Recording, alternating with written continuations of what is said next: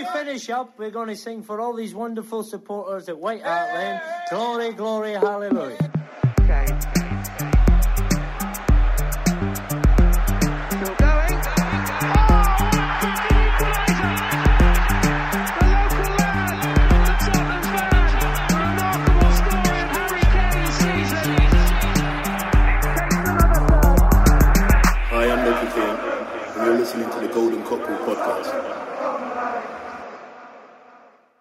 Hei alle Tottenham-venner, velkommen til Golden Cockerel. Veldig hyggelig at akkurat du hører på.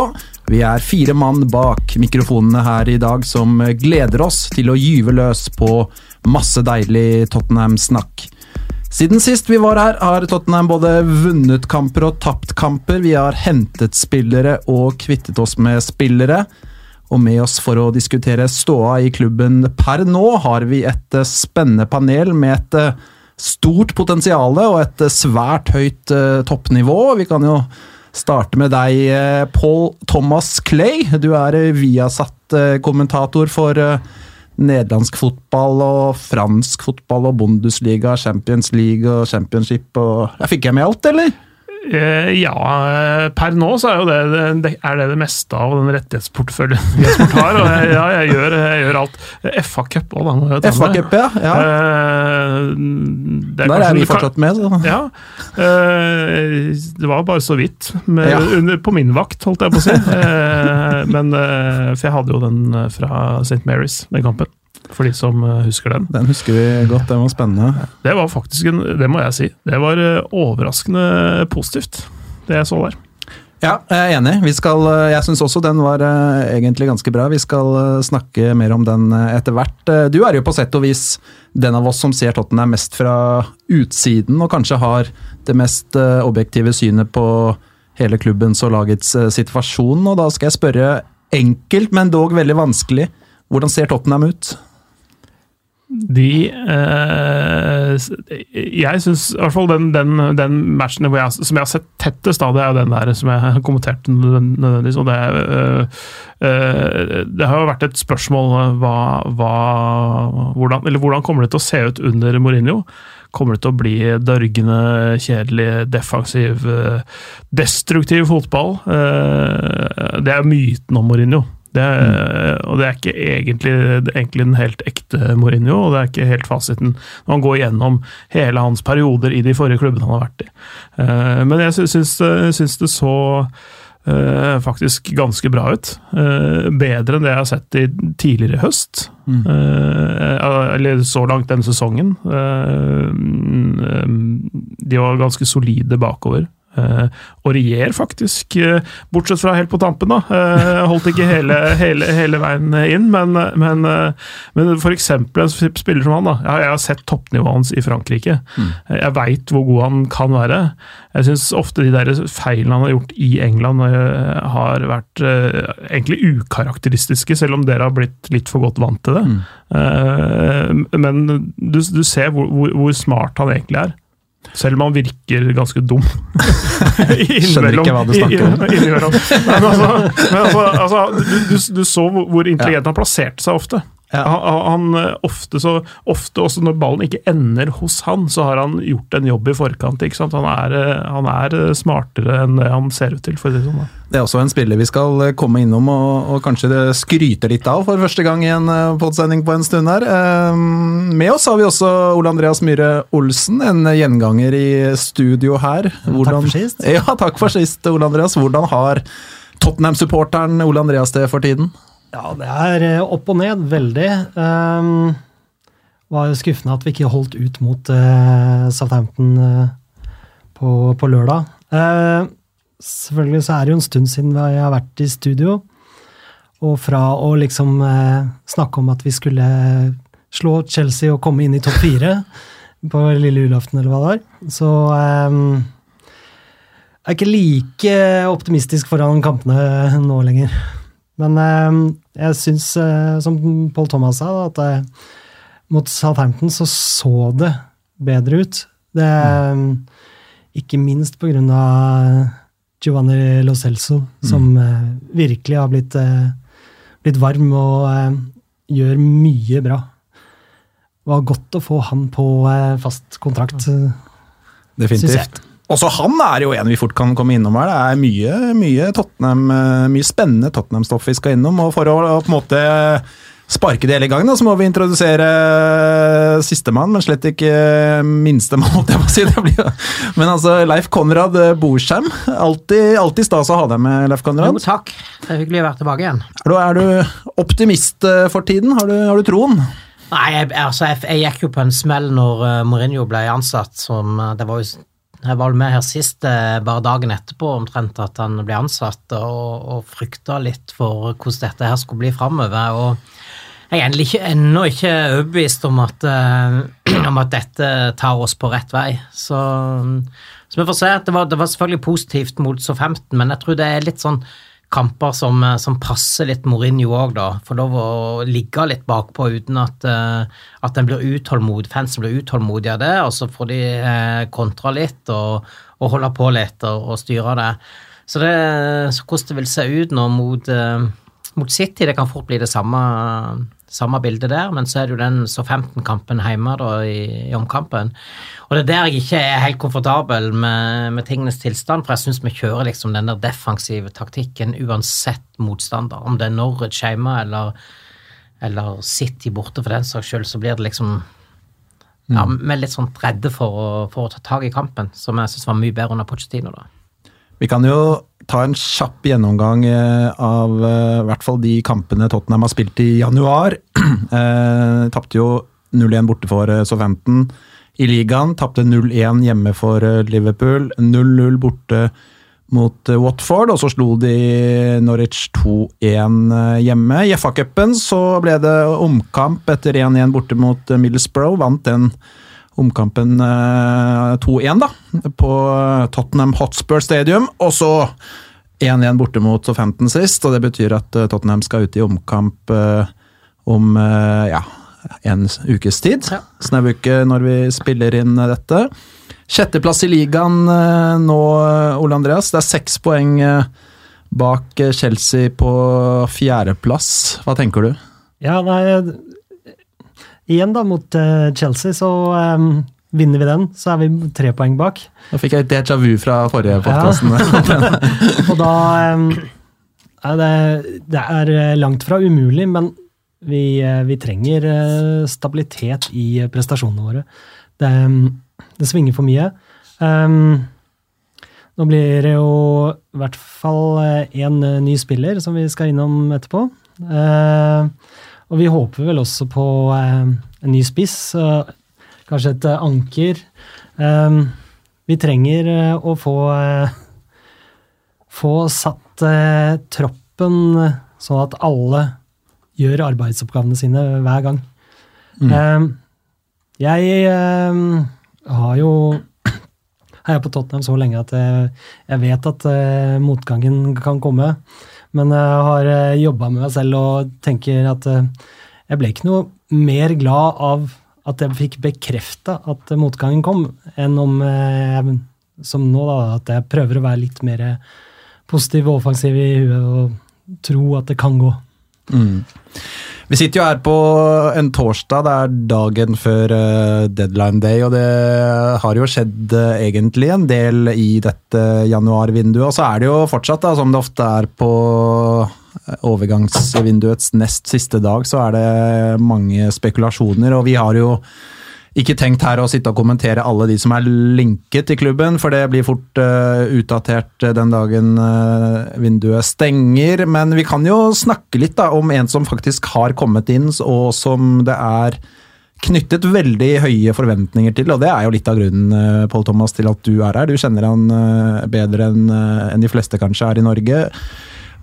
Noen vil si eh, vi kjører en sånn norsk-norsk variant med Bergvint. Vi synes jo det, det Vi må i hvert fall kjøre Bergvint, var vel det han selv eh, uttalte det som på engelsk. Og så har vi denne nederlandske versjonen hvor det ja, ja, det, det, det, det orker vi ikke. Men eh, ja, vi kan i hvert fall, vi skjønner hvem vi snakker om her. Og Paul Thomas, du, du skal få lov til å fortelle oss hva er det vi har i vente. Eh, jeg, sammenfattet noen ord eh, her eh, tidligere når jeg fikk denne forespørselen også. Jeg, mm, jeg skrev at han, var omtrent som en, en sprinter. Mm. egentlig. Eh, altså sånn, hvis, du, kan begynne å liksom beskrive hvordan han ser ut Han er, han er eh, ikke spesielt høy, han er 1,78. Eh, lavere enn meg, faktisk. Eh, eh, men betydelig lettere, da.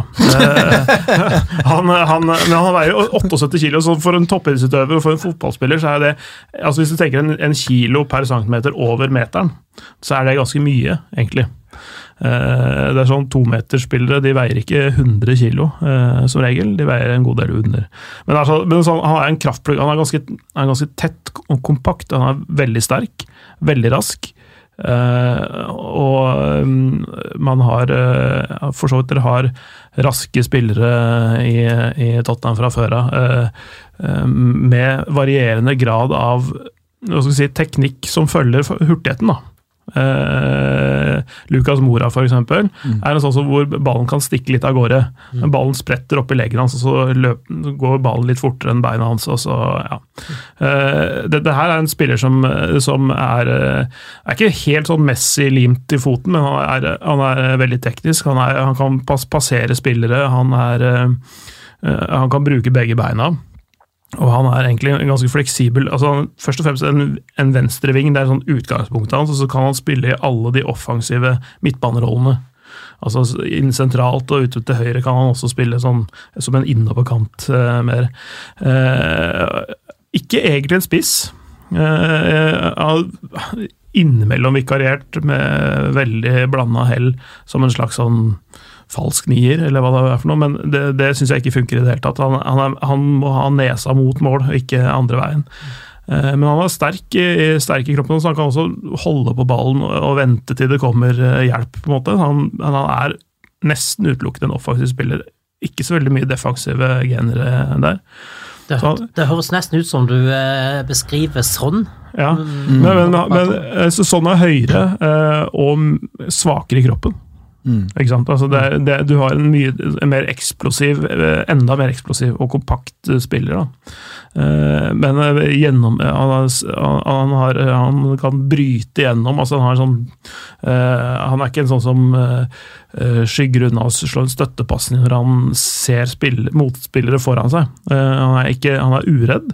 Eh, Og ganske direkte, egentlig. En spiller man kanskje både kommer til å rive seg litt i håret over og, og, og hylle, litt avhengig av eh, Ja, eh, litt, av, litt avhengig av det. Dagen. Ja, ja. ja det, det er på, kanskje det som er um, ankepunktet hans. Da. Det er den, hvordan han fungerer bakover. Og det er, jo noe du lærer fort i et Mourinho-lag, for å si det sånn. Han, han, men jeg tror ikke de skal hvile på han, for å si det sånn, i det defensive. Eh, Det er ikke det, er ikke det som er styrken hans. Han er, eh, altså Hvis de skal spille sånn som de f.eks. gjorde mot Southampton, eller altså de, at de er kompakte, solide bakover, men de, de kontrer, og de kontra godt, og de kontrer bredt, der er han uh, gull verdt, altså.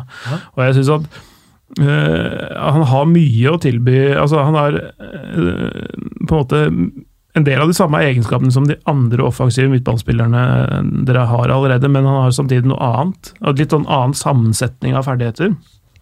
Eh, eh, så jeg tror han er en, sånn, en nyttig sånn tilvekst, og som kan presse de andre eller altså, presse de andre med tanke på en startplass, da, rett og slett. Så det er en økt konkurranse i de posisjonene. Få løfta de andre, sånn sett. Men tror du at det er et Mourinho-kjøp? Altså, øh, Han har jo vært linka til Tottenham over litt tid. Eh, Ja, det, det er jo det som er øh, Det jeg lurer på om øh, øh, For så vidt andre spillere som vi sikkert skal snakke om seinere, av potensielle øh, inn, øh, spillere inn. Det er det, er det om, øh, om det er Mourinho-kjøp, om han har akseptert noe når han ble ansatt her, at vi kommer til å kjøpe spillere som ikke nødvendigvis er din ønskespiller, men at vi, vi tenker lengre fram enn det som enn de tre sesongene du kommer til å være her. Mm. Uh, for det er jo, han holder jo ikke så mye lenger enn det, som regel. Uh, og gjerne ikke tre hele sesonger heller, det er gjerne den tredje sesongen hvor det tar slutt. Så her er det kanskje ut denne sesongen og to til, og så er det en ny trener. Altså sånn, og, og det, er, det er jo mm, Det er synd å, synd å si det, men det, man må tenke litt lenger fram enn akkurat han. da.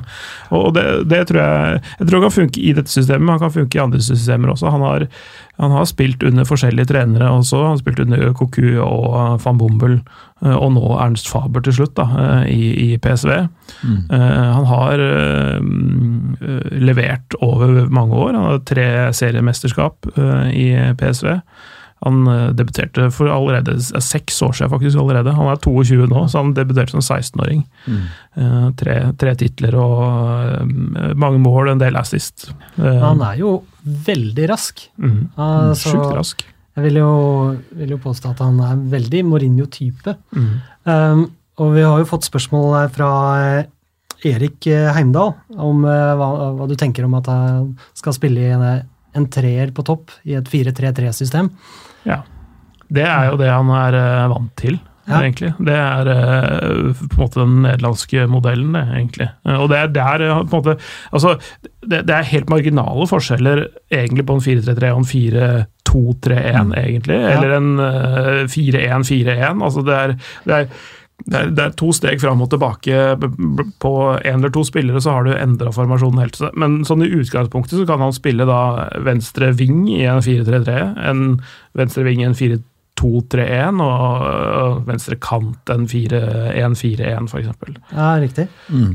Ja, for jeg ser jo eh, for meg eh, at eh, Tottenham etter hvert kommer til å, hvis de da skulle spille 4-2-3-1, ha en sånn trio da, bak, bak en spiss med, med Son, Ali og, og Bergwijn. Og jeg tenker jo at det er jo en vanvittig spennende trio med tre dynamiske spillere som alle innehar veldig Altså, de utfyller hverandre bra. Begge, eller alle, da, kan true både mellomrom og bakrom. Alle er eh, ganske gode distribører. Alle kan skåre mål. Og det gir også en mulighet til at det ikke blir for altså, til å altså, Plassskiftene og, og så det blir dynamisk. Uh, så fordi det er jo ikke noe tvil om uh, at eh, den beste posisjonen hans er vel venstre ving, og det er jo der sånn også har blitt foretrukket eh, av eh, Mourinho. Så et eller annet Og jeg vil jo tro at begge de to skal jo spille, spille så, Men det kan, det kan jo være at sånn må opp og spille spissen. Ja, Ja. det er det Selv, selv om Mourinho har sagt at han er ingen spiss. Ja. Eh, Men det er for så vidt ikke Han har jo sagt at han skjønner jo ikke at, at Tottenham bare kan ha én spiss. Eh, Men tidligere, når, Kane har vært skada, så har jo dette gått fint. fint. Men igjen, jeg tror det handler litt om, om spillestil, ikke sant, og, Mourinho som er mye mer direkte enn det Pochettino var. Eh, og da trenger du kanskje en, en, en litt sånn kraftplugg på, på topp. Mm. Uh, blir det vanskelig for Lucas Mora, men, eh, Lucas Mora, men det er klart sånn Sånn har jo kanskje fysikken til, til å løse det bedre, selv om jeg syns han òg er helt klart eh, best når han er rettvendt mot mål og ikke må, må, må jobbe med å plukke ned baller fra Ja, nå har, vi, nå har vi stort sett de som er best med nesa mot mål. Det, er, eh, det er sånn. Det er Lucas Mora, og det er uh. Ja. Prøvde meg. Ja. Um, og så, så vi har ingen sånn uh, eh, eller stor eh, spiss Sørloth. altså kan- Men, men det, ser ut, det ser ut som vi har det på måten vi spiller fotball på nå om dagen, da. Ikke sant? Og det er litt utfordringen, eh, sånn som jeg ser det. Ja, alle blir jo dytta langt fram i banen for å ta imot oppspill.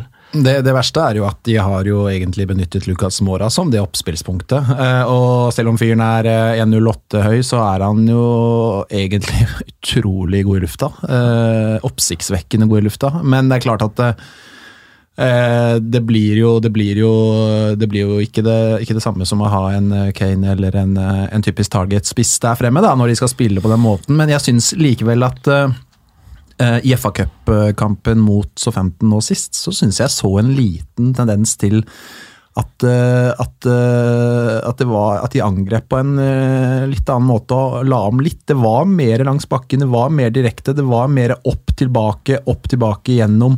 Jeg syns det var, spesielt i første omgang, skapte de egentlig en del på det.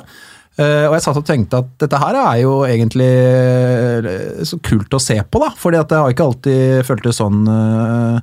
og For jeg tenker jo det samme som deg, Leif Konrad, at uh, altså, enten så må de få inn en spiss nå i løpet av de neste 24 timene, eller så er det vel sånn da, som skal opp der. Og hvis du da skal stille med Sånn og Lucas og Ally og Bergwijn er fremme, så, så er du nødt til å tenke annerledes. Ja, du, ja, du må det. tenk, altså, du har jo sett tendenser til det nå på, på nyår. du, du hadde den siste halvtimen mot Liverpool som var veldig, veldig bra. Eh, Så hadde du kanskje de første 20 minutter, 30 minutter mot Middlesbrough i, i omkampen, eh, der vi burde ha leda enda mye mer til pause, og så klarer vi å gjøre det spennende. Fordi at det, det skjer et eller annet, altså. Når- når vi tør å angripe, når vi tør å ha mange folk med opp, så, så, så, så får vi jo det til, og det har vi jo gjort i, i fem og et halvt år under Pochettino òg, så det er ikke sånn at spilleren ikke, ikke kan dette. Så, så Det som overrasker meg litt, at, at når, når en ser at det, vi lykkes med det allikevel, så, så faller vi litt sånn tilbake igjen til, til å spille uh, mer direkte.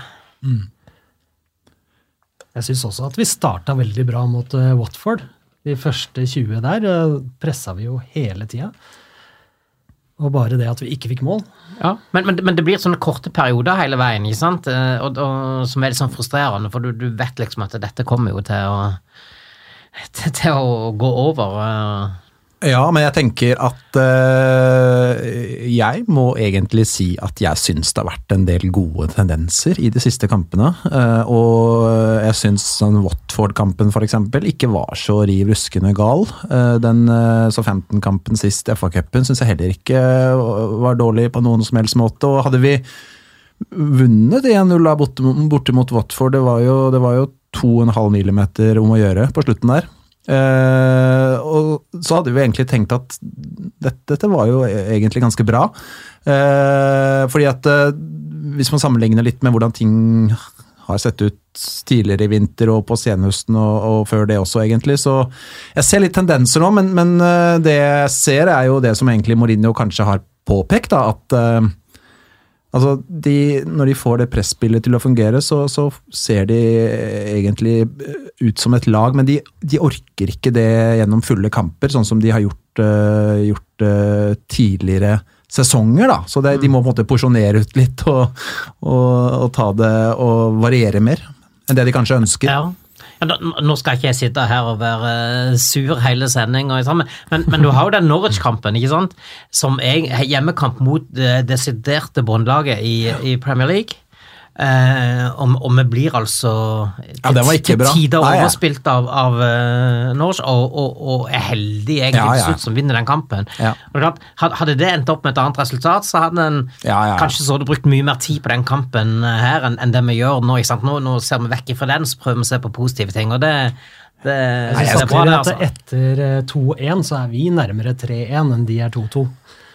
Det syns jeg. Jo, men det er de siste ti minutter, det. Ja. Så Nei, Jeg prøver bare å være litt uh, positiv her, jeg. Og, jeg skal, jeg skal skjerpe meg. Jeg skal være, jeg skal være positiv resten av sendinga.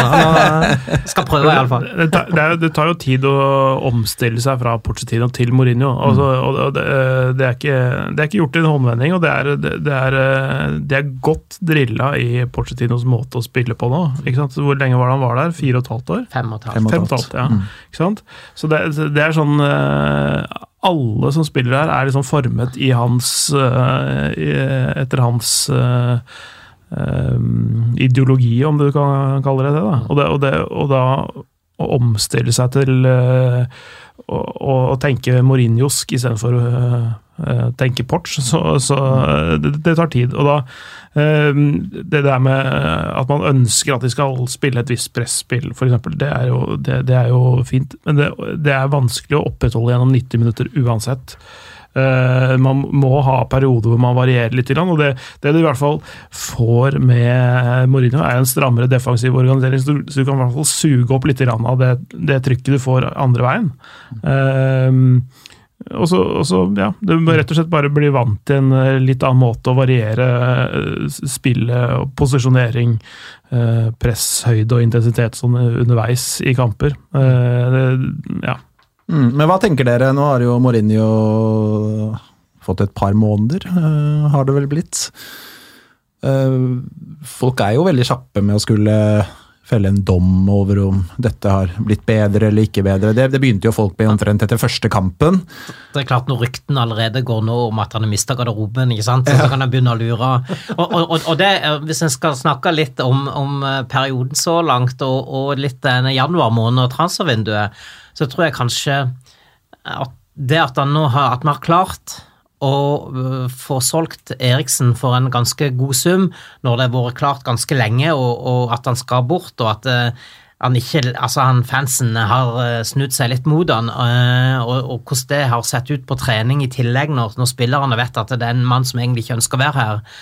Eh, og i tillegg nå, så hvis alt nå, Siste ryktene før vi gikk inn her i studio, var jo at uh, Danny Rose er på, oppe i Newcastle nå og er i ferd med å signere en låneavtale Han er uh, observert på treningsfeltet Ja. til Newcastle. Jeg så ja. Og, og, de, og de, de to tinga der tror jeg kan ha en veldig positiv effekt inn i, i den daglige trenings... Uh, ja, hverdagen til, og, og, og i spillergruppa som totalt sett.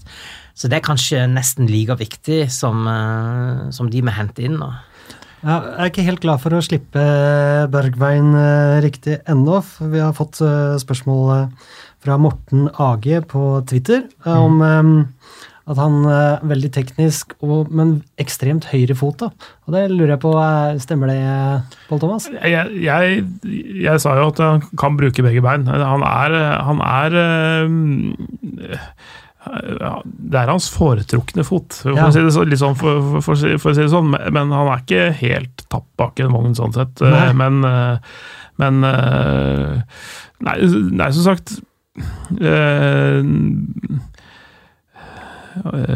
Nei, jeg, jeg oppfatter han ikke så, så enfota, egentlig. Men, men, men selvfølgelig ikke helt sånn ambidextrous, som du kaller det. Altså, eller sånn, så- hvor du kan, er helt likegyldig om du bruker høyre eller venstre hånd, f.eks. Det er, Men vi, har jo to som bare kan bruke venstrefoten hos oss nå, ikke sant? så det, det er jo greit at en som bare kan bruke høyrefoten i så han nevner også at det er jo dobbeltgjengeren til eh, Lou Bega. Ja, det er dobbeltgjengeren til ganske mange, føler jeg, med eh, barten sin og Eh, Så ja. eh, noen posta et gammelt bilde av Chris Huton også, som med akkurat samme barten og sveisen. Og heter han der svenske Tim, Timbuktu, eller noe? Jeg syns det er Jeg må ha en stor Må ikke gå, gå i den der eh, they all look like-fella. Ja, men barten, da! For når du først får den der, så, så blir du ganske karakteristisk. Ligner litt på det du sa. Men vi, vi, vi kommer til å, å, snakke om eh, Bergwijn eh, videre senere også, det er jeg helt sikker på. Men eh, vi har jo eh, fått en ny spiller til, da. Jeg holdt på å si kjøpt en, men vi har foreløpig bare lånt han. Gedson, Gedson Fernandes. Eh, hva inter, interessant da er jo at eh, familien allerede hadde slått seg ned eh, rett i nærheten av eh, Tottenham Hotspur Stadium. Så foreldrene de var jo innlosjert lenge før eh, han hadde tenkt å komme til England. Så, så jeg vet ikke jeg om han har pressa fram eh, en avtale sjøl med, med Benfica. ikke sant? 18 måneder lån for en ung spiller. Eh, det er kanskje litt sånt unormalt. Men Nå er jo nesten alle overgangene dette vinduet lån, eh, føler jeg. Det er Ja, det har blitt en ny greie, det der. Det er, ja. lån er det nye kjøp, er det ikke? det er lå- Try before you buy. eh. Men mange av de er sånn der, Du kan ikke komme ut av det heller, for det er sånn obligatorisk kjøp i enden av det. Men, ja. men eh, det er, eh, det er eh, en sånn eh, skal si, en økonomisk eh, gymnastikkøvelse, egentlig, for å eh, putte ting inn Altså putte utgifter og inntekter inn i forskjellige kvartaler og årsrapporter, holdt jeg på å si. Så handler det kanskje litt om sånn som eh, Danny Rosen nå, som eh, han går vel på lån nå til Newcastle, og de også sk- må vel kjøpe han til sommeren. At de bare tenker at ok, vi får ta de forhandlingene i sommer. Det er eh, to dager igjen og ja. Det er vel fastsatte priser, tror jeg, uansett. ja, men, eh, men, men det, er, eh, det er for å holde seg innenfor regelverk og okay. FFP og sånne ting i, i, stor grad. Det gjør at de strukturerer dealene sånn. Ja. Eh, sånn som, altså Uten sammenligning for øvrig, når den sommeren PSG kjøpte Neymar, så henta de også Mbappé. Totalt for en kombinert sum av eh, 3,8 milliarder kroner. Eh, egentlig, men, eh, men hele Mbappé-kjøpesummen ble tatt til neste år fordi de lånte den et år først. Ja, Mm. Med et riktig. obligatorisk kjøp på 1,6 milliarder neste sommer. Men Litt tilbake til uh, Gedson Fernandes. Hva, eh, Hva, hva slags inntrykk har vi? Han har jo allerede rukket å, å få en del eh, minutter. og Hva slags inntrykk har vi av det vi har sett, og hvilke forventninger har vi til det som eh, skal komme? Han er jo, han er jo veldig ung, eh, nettopp flytta til nytt land. eh, Så at han, han, han må få litt eh, tid før vi skal felle den store dommen over han. Eh, Litt anonym, syns jeg, når han fikk starta sist. Eh, Så jeg skulle gjerne ha sett at han tok litt mer plass på, på midten der. Eh, Det var litt sånn førsteinntrykk. som du sier, da, så er han ung og har nettopp kommet. Og han har blitt eh, nærmest fryst ut av sin forrige manager, så at han bruker litt tid, det Noe annet ville vært unormalt. Ja, bygge litt selvtillit. Det, det som slo meg, at han altså, Helt enig med deg, at eh, det, det var en ganske, ganske anonym eh, forestilling, men han gjorde ikke noe feil. Ikke sant? Altså Han er ganske solid, eh, altså sånn eh, lav feilprosent i en ganske utsatt eh, posisjon på banen, eh, hvor det ofte er under press og sånne ting. Jeg synes han altså sånn eh, Sånn, god, sånn type godkjent kamp, uten at det er noe sånn derre det var ikke en kioskvelter av en prestasjon, på en måte, men, eh, men det var eh, helt ok. Så er det litt artig at Mourinho tør å hive de innpå med en gang. Han hadde Pochettino, så brukte du et halvt år omtrent for, ja, for, for, for å spille det eh, inn. 2022, tenker jeg. Ja, sant? Så, så, så det er litt sånn gøy at, med, at Ja. når, når du har nye spillere som kommer inn, så har du veldig lyst til å se på hvordan de fungerer og sånt, og, og, og nå får du iallfall den muligheten ganske kjapt, da. Så, så men tror, han trenger nok litt tid i styrkerommet, tror jeg. Litt, få litt mer muskler på kroppen, så tror jeg han kan bli en, eh, en bra tilvekst. Så tenker jeg at han er jo, det er jo en signering helt uten risiko. Et lån i 18 måneder, og så får man jo bare se om han tar noen steg, og om dette kan være noe for Tottenham eh, om halvannet år. Og er det ikke det, så har de ikke brent seg veldig på, på han, i hvert fall. Hvis, hvis ikke det som sagt da ligger allerede en eh, forpliktelse om å, om å betale ut en del penger på han og gjøre overgangen permanent når vi kommer så langt. Jeg har ikke lest noe om det, og jeg mener at vi dermed betaler en dyrere låneavgift eh, på han, og at vi da har en opsjon på kjøp. Jeg tror heller ikke det var noe eh, avtale om at han måtte kjøpes, men jeg så tror det var sånn som du sier, at de, de betalte heller mer, og så står de fritt eh, om et, et halvannet års tid der. Det, det, dere har i hvert fall en av de bedre forhandlerne uh, i klubben deres. da. Uh, så- så- Spørs litt hvem du spør. Ja, ja, det, det, det har jo kost, det har jo kosta dere noen spillere, holdt jeg på å si, fordi dere har vært uh, hva skal vi si konservative med pengebruken. Mm. Uh, eller jeg, jeg kan, jo- jeg kan jo like gjerne si gjerrig, men, eh, men, men, men uh, det, det, dere blir sjelden uh, Hva skal vi si melka av andre. Ja, Det er jo eh, sant, og jeg tenker jo Bergwijn nå for eh, 25 millioner, eller hva de Det er en endte på. bargain, rett og slett. Jeg tenker I dagens uh, inflaterte Ja, for marked dette det er er stjernespilleren til TSV, er det ikke? kjempekjøp, altså, tenker jeg. For den spilleren der. Ja, det er en spiller jeg eh, helt ærlig har eh, egentlig håpa på at de skal kjøpe en stund. Og selv om kanskje det er en spiller det er kanskje ikke det de desperat trenger nå, da, for det snakkes jo om spiss og, og en defensiv midtbanespiller og noe backer her og sånn, men, men, eh, men jeg tenker at når en sånn spiller blir tilgjengelig, eh, og for den summen, da, så man, man kan ikke bare slokke branner og tette hull.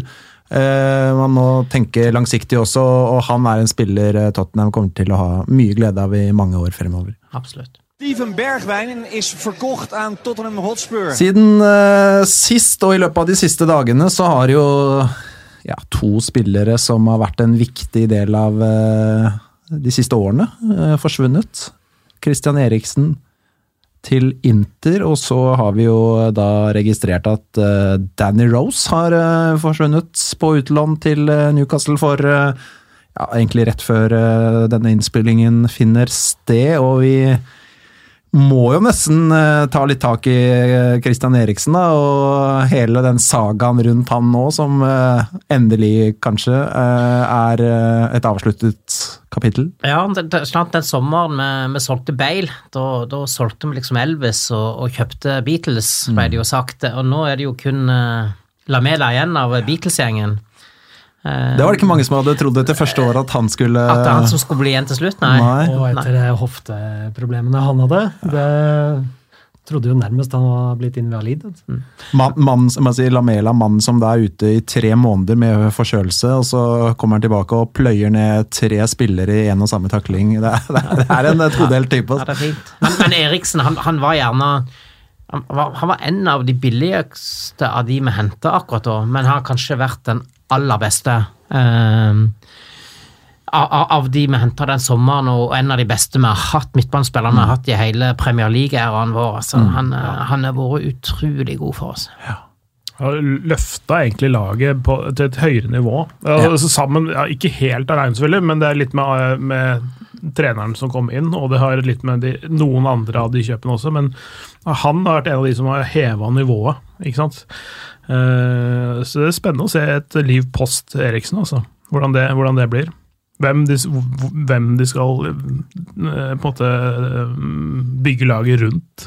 Ja, jeg tror jo det blir Lo Celso. Eh, han har vist at han i det siste at han både kan jage ball, han kan distribuere ball og føre ball. Det, vi ser ikke skuddene som Eriksen hadde, riktignok, men allikevel. Men vi har Fordele skuddansvaret litt annerledes, da. Ja.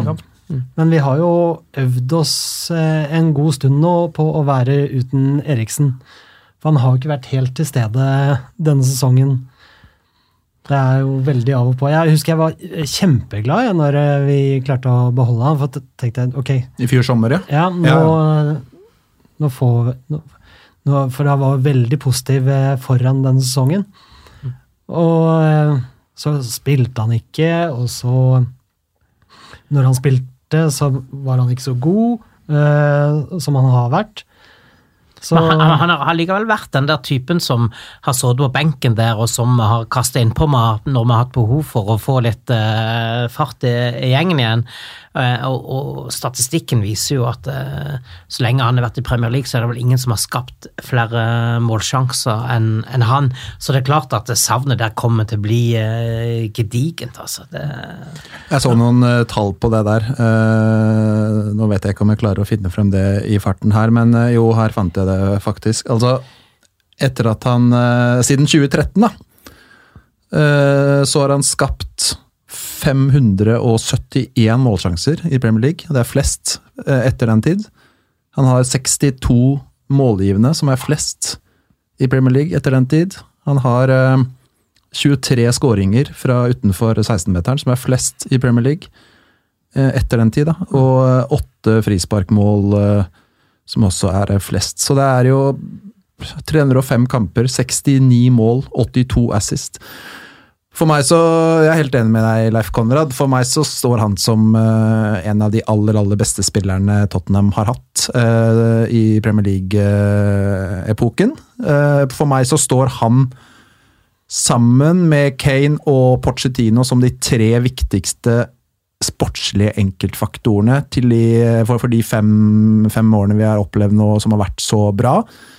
Eh, og så er det noe litt uh, vemodig og kanskje symbolsk over at uh, Pochettino og Eriksen da forlater Tottenham uh, med kort mellomrom. Da vi går kanskje inn i en ny, en ny epoke nå. Og så må jeg legge til at jeg syns det er litt trist at det siste året hans ble som det ble. Han kunne på en måte dratt fra Tottenham som en av de aller, aller største.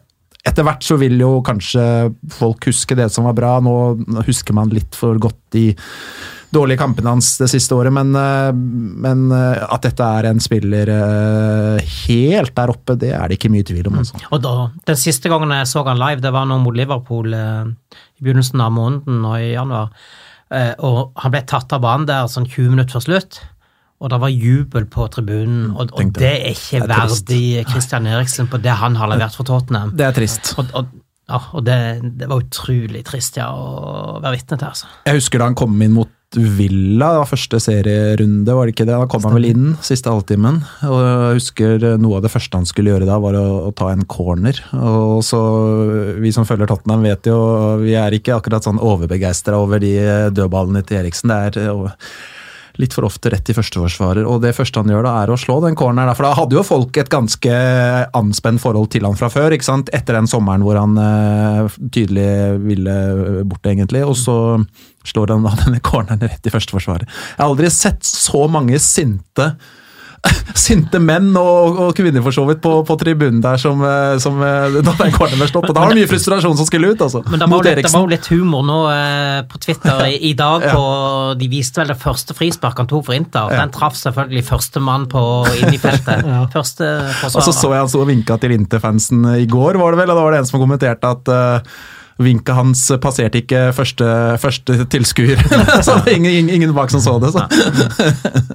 Ja, men det er viktig, vi, det er viktig og riktig at vi skal hylle ham for Ja. den spilleren han var eh, fram til, til og med forrige sesong. Altså, for det er så viktig. Eh, og når du tenker på alle de ettmålsseierne vi har, hvor, mange mål Christian Eriksen har i de kampene Husker jo Burnley forrige sesong.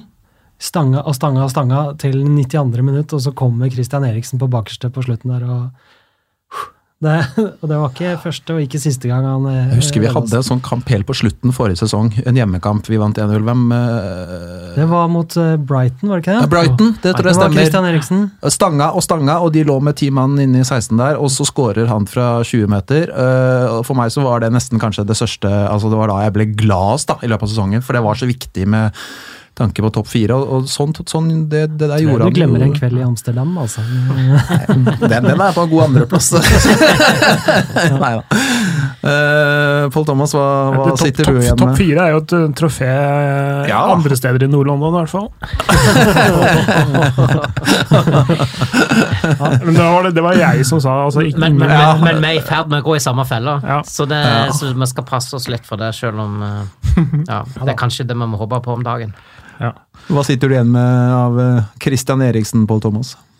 Eh, sånn øyeblikket eh, på Johan Creif Arena etter kampslutt, eh, hvor han eh, hadde litt problemer med å være for glad.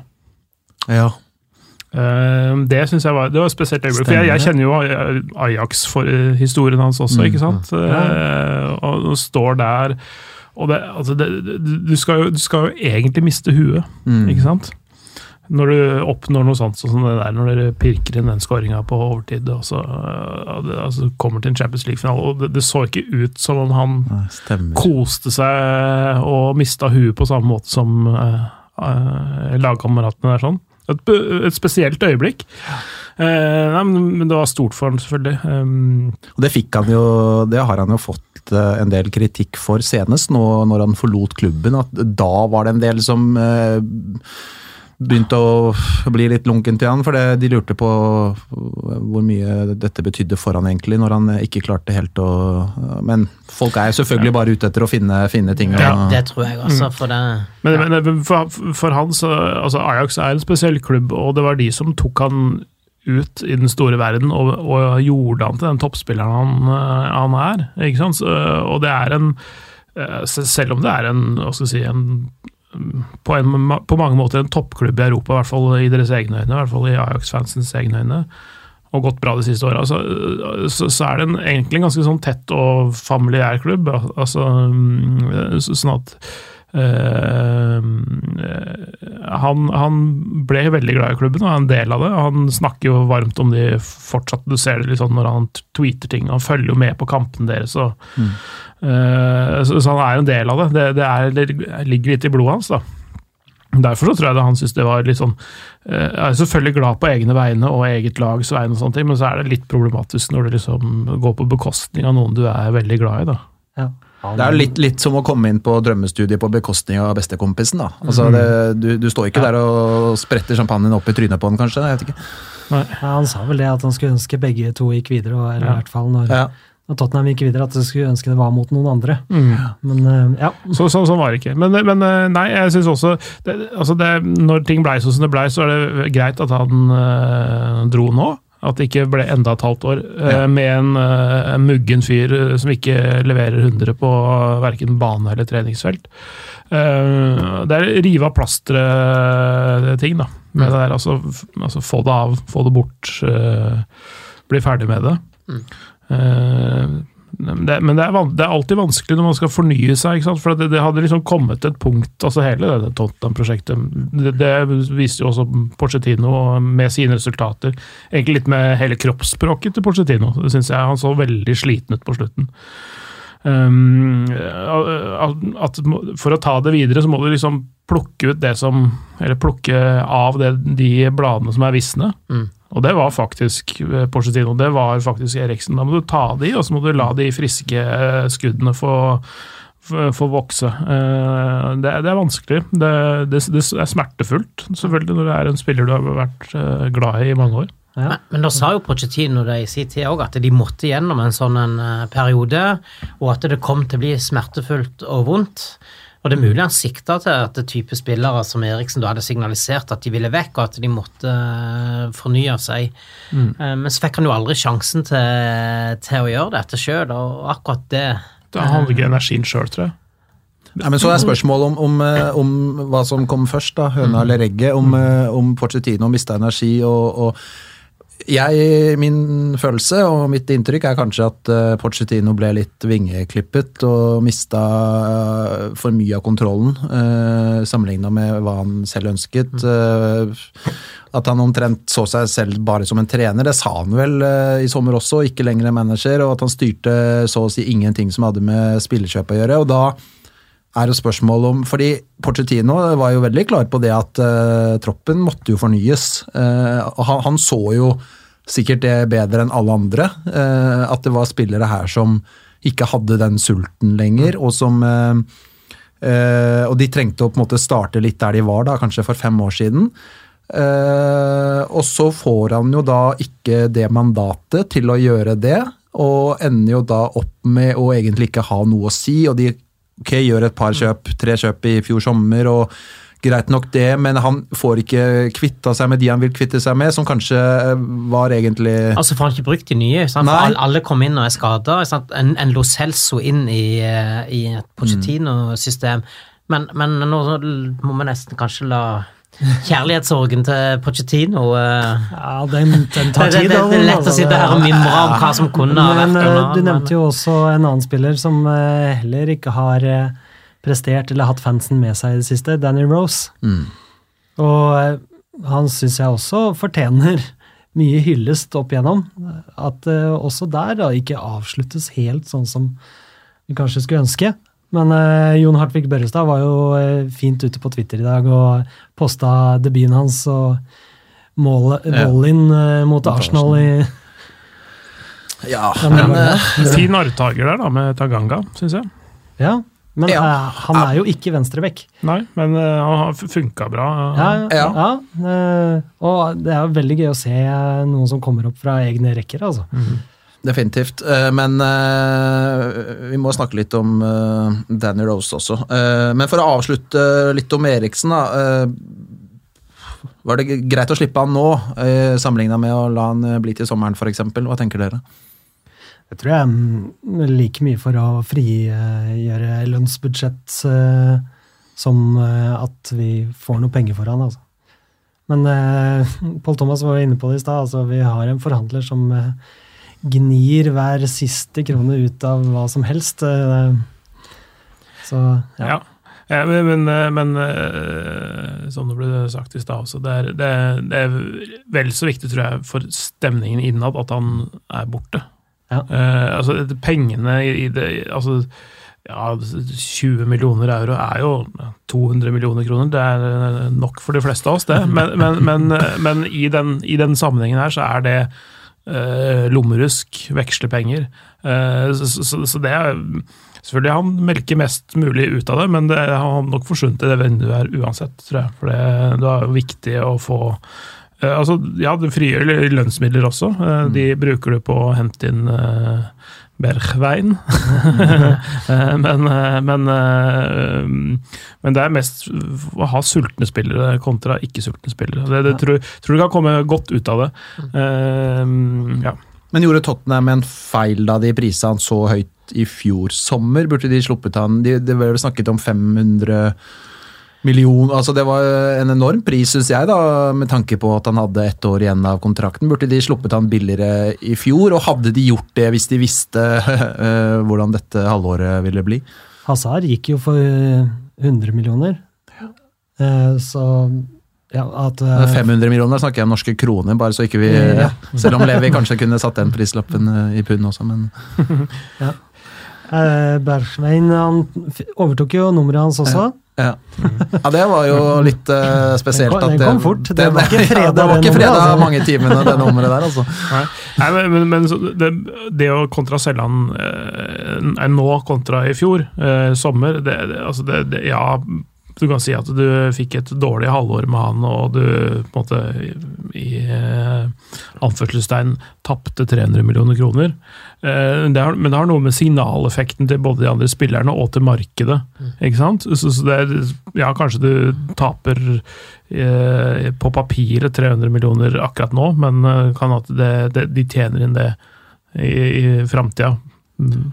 Og så, det, Sånn jeg, jeg tenkte jo det samme som deg, Ole Andreas, i fjor sommer. at Jeg syns, jo, jeg syns det var fint han ble, for jeg tenkte at det der kan være forskjellen på å klare topp fire og ikke topp fire denne sesongen. og det kan jo veldig fort hende at, eh, at det var Tottenhams tanke også. Sånn sett så, så kunne jo det vært en god investering å hatt han et år til, faktisk. For de tjener jo inn, eh, inn de pengene hvis det hadde betydd topp fire. Men så nå ble det som det ble, og jeg tror nok alle er vel greit fornøyd med at han drar nå. Så får vi bare starte livet helt uten Eriksen. Nå har det vært et halvt eh, år med litt uten Eriksen, og det er kanskje greit at det blir en sånn, et sånn endelig punktum, og ikke bare et komma, kanskje. Enig. Men vi må jo, vi må jo snakke, da. Vi, var, vi nevnte navnet hans eh, så vidt. Danny Rose. Han har jo, han har jo vært en uh, viktig brikke og en, eh, en trofast tjener for Tottenham i mange år. Og vi husker jo alle debuten hans, da. eh, mot Arsenal, hvor han blåste inn. Den må dere søke opp på YouTube hvis dere ikke har eh, sett den. Blåser inn en der mot Arsenal fra For meg nå føles det som det er 70 meter, men jeg har sett den, det er vel ikke mer enn 25, 25, kanskje. Men, men, eh, men eh, Og så så man ikke på lang tid igjen. Havna, havna ut på lån både Ja. i Søndalen og hvor nå han var henne, og fikk litt uh, nyttig erfaring. hvor gammel var han da han uh, skårte det første? Det var Så ikke var han 17-18. 17-18, ja. ja. Um, Og så Altså, jeg husker han jo selvfølgelig best fra den eh, perioden når vi hadde Kyle Walker på andre backen. Altså, da, da var det i Premier Leagues beste backpar. Um, det er det ikke tvil om. Og så har det vært litt mye rot med, med Danny Rose, syns jeg. Det er skader og Litt, litt, sånn, litt sånn rebell, da. eh, Og så har han jo slitt psykisk, altså. Det, Mm. det har han jo vært ute og åpna seg om. Mm. Det er klart eh, sånt eh, du, du klarer ikke å prestere på banen hvis det ikke funker i hodet. Nei, det er helt sant.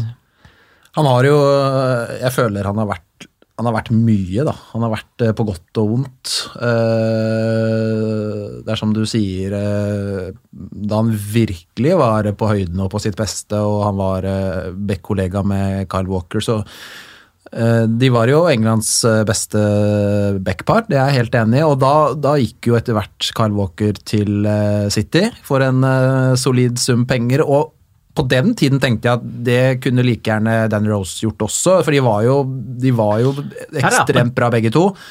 Og de så- er fra samme område òg. Ja. Han er jo oppvokst i Eller han er fra Doncaster opprinnelig, eh, Danny Rose. Mm. Um, og, og, Englands perle. ja. Og så føler jeg ting begynte å Kanskje begynte å snu litt etter det, da. Eh, og Danny Rose har vel kanskje ikke heller lagt skjul på det, at uh, han, uh, han Jeg syns ikke kanskje at man mangler litt ambisjoner i Ja. perioder. ja. Vangen10 på Twitter han spør jo uh, om eh, dette med at han eh, skulle gå kontraktsstedet ut og eh, eh, nekter å la seg selge, om det var en slags hevn da, fordi at han ikke fikk gå samtidig med Kyle Walker. Nei, jeg vet ikke. Nå, nå- ser det ut som han eh, han, han gjør det likevel, eller Ja. om, han får, om han kan signere gratis for en Nei, det går vel et år til ennå før han kan eh, gjøre det. Ja, han har ett og et halvt år igjen av kontrakten. Men jeg, jeg tror han skjønte det etter hvert, at det, det, det, det blir ikke noe framtid. Når du ser at Mourinho, når Mourinho kom inn, er heller ikke interessert i å ta han i bruk. Han har vel fått, kanskje fått en kamp eh, under Mourinho. Så var det vel en disputt der også nå, og da tror jeg ikke Rose hadde fått et minutt til altså, nå. Og da ser han vel at her er det bare å komme seg videre. Nei, eh, Mourinho han lar seg ikke pelle på nesa. Nei, det er, ikke han du, det er ikke han du bør komme på kamp med, tror jeg. Da er du ganske ferdig. Eh, Men, men, men, Han husker godt. Han husker som en elefant. men vi har jo mangla sentrale midtbanespillere, og Daniel Rose fikk jo noen kamper som sentral midtbanespiller. Måtte du minne meg på det nå- nå som vi hadde... i Santiago Bernabeu kom han vel inn på. Nå som vi hadde det så hyggelig her, eh, Leif Konrad, så må du rippe opp i Daniel Rose på sentral midtbane. Det der, eh, det der husker jeg, det var vel i forrige sesong så sent som det. Vet Ja, ja, det der, jeg har aldri vært så kritisk noen gang til en fotballspiller som har beveget seg så langt eh, inn sentralt i banen. Det, hvis du snakker om fisk på land, altså. Det var, eh, det var nesten sånn pute- pute-TV eh, på starten der, i hvert Magne fall. Mellem Enoksen på eh, Twitter, Magne med, han eh, tenker jo at eh, Rose eh, går til Newcastle fordi at eh, han og Bentaleb var gode venner i, Ja. eh, for lenge siden. Lanserer det som en teori. Ja, det, det, det, det trekker jo ikke i feil retning, selvfølgelig. Men også, ja, spilletid, og, og det, er jo, det, er jo, det er jo et fint sted å spille fotball, det også. Newcastle, tross alt, eh, selv om det er på et lavere nivå enn eh, i Tottenham, selvfølgelig. Så er det jo, så er jo det, det, den stemninga der oppe. Kul klubb å spille for. Gud hjelpe meg, der er det bra trøkk, ass. Ja. ja. Lidenskapelige fans. ja. ja. og, og, det, og han tjener minst like godt, ikke sant? ja. Men jeg, jeg, tror, jeg tror han har godt av et miljøskifte. Jeg tror at Tottenham òg har godt av at han, eh, han eh, ikke lenger er en del av den troppen. Så sånn sett så er det vel eh, vinn-vinn for alle parter. At, uh, om han nå skulle havne i Newcastle, er jo ikke bekreftet ennå, men uh, alt tyder vel på det. Ja. Og det bringer oss jo elegant over på uh, egentlig noe jeg syns vi bør ta litt tak i, nemlig Bekkplassen. Fordi vi har jo sittet her i en del sendinger og vært bekymret for høyre Bekk-posisjonen, og den tenkte jeg vi skulle la ligge litt grann nå først, for der føler jeg at vi egentlig begynner å, å få litt, eh, ting litt på stell, uh, sammenligna med hvordan ting har vært, hvert fall. Og heller bevege oss over på motsatt side, uh, venstrebekken, for der føler jeg nå at det er litt uh, vill vest. Uh, for mens Pochettino vinglet veldig på høyrebekken i høst, da, med prøvde vi ha vel fem forskjellige spillere på 10-15 kamper, tror jeg. Så driver jo nå egentlig eh, Mourinho og vingler like mye på venstrebekken. Rose ble jo så vidt prøvd der, han er borte nå, da, men så har jo Fertongen vært der, og Tanganga har vært der, og Cézinho har vært der, og Davies er vel snart der. Vi snakker jo fem venstrebekker på ganske kort tid. Uh, Hadde Davis vært tilgjengelig, så er jeg ganske trygg på at han hadde vært han starta vel første kampen til Mourinho, og så ble han skada i andre, tror jeg det var. Ja. Eh, Så han, han, han opplever jeg som et ganske klart førstevalg akkurat nå. Eh, Selv om jeg gjerne skulle ha sett eh, at de satsa skikkelig på Cézinho. Han mangler litt sjøltillit, en ser det nå, men jeg vet ikke om, om, om, om han er sånn redd for å gjøre feil, rett og slett. Uff, jeg fikk Han spilte vel der mot Norwich. Men jeg ser jo for meg at Cézinho må trekke lenger ned i banen nå som Bergveien er kommet. Da. Mm. For hvis Cézinho ikke skal spille back, så er det tre stykker på den plassen. Da er det Son, Bergveien og eh. Ja, da er han jo klart bakerst av de nå, i hvert fall, tenker Ja. jeg. Eh, Men, men men ja. Mourinho har jo sammenligna Cézinho med at dette skal bli den nye Ashley Cole, da, Ja. sant? men på sikt, med at han ikke er klar ennå. det var eh, den kampen mot Norwich, så spilte han jo venstreback. Det var vel første gang han spilte venstreback i en firer, eh, så vidt jeg kan huske. Eh, og eh, det fungerte jo ikke bra, må vi kunne være ærlige og si. Han så, han så ut som han hadde det så vondt utpå der, og øh, at han var blotta for så mye selvtillit, og så redd for å gjøre feil, og det var det var, eh, hvis man skal være, kalle en spade for en spade, en fryktelig svak kamp av han. da, og Jeg ble nesten både litt skuffet og ja, men skuffet over, eh, over hvor, hvor dårlig det fungerte. Eh, men, men hva bør Mourinho gjøre med han nå? Hvor bør han dyrkes? Eh, Hvor skal han spille? Hvor mye skal han spille? Hva tenker vi? Cézinho. Ja. Eh, jeg, jeg, jeg ser ikke han egentlig, altså per nå i hvert fall, som, som en venstre back i en firebackslinje. Eh, han var jo en kant i Fulham, altså nesten wing, eh, egentlig. Eh, han kunne fungert på en venstrekant, eller som en wingback, altså sånn i, med en trebackslinje hvor han er ikke en del av den, men litt lenger framme. Der tror jeg han kunne funka. Men han er ikke sterk nok defensivt uh, foreløpig. Det er jo ting som kan læres, selvfølgelig. Eh, han har jo arbeidskapasiteten og mm, huet og innstilling og sånt til å gjøre det, men, men uh, ikke sterk nok defensivt uh, foreløpig, syns jeg, til å spille en rein venstreback i en firebackslinje.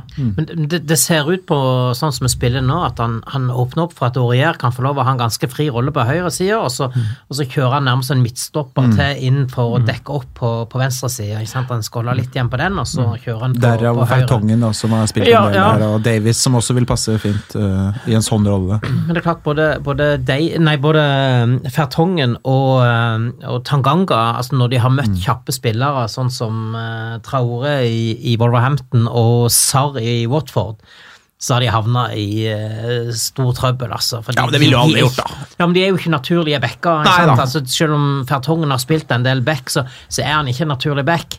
Og da, da havner du i trøbbel når du møter sånne klassiske vinger.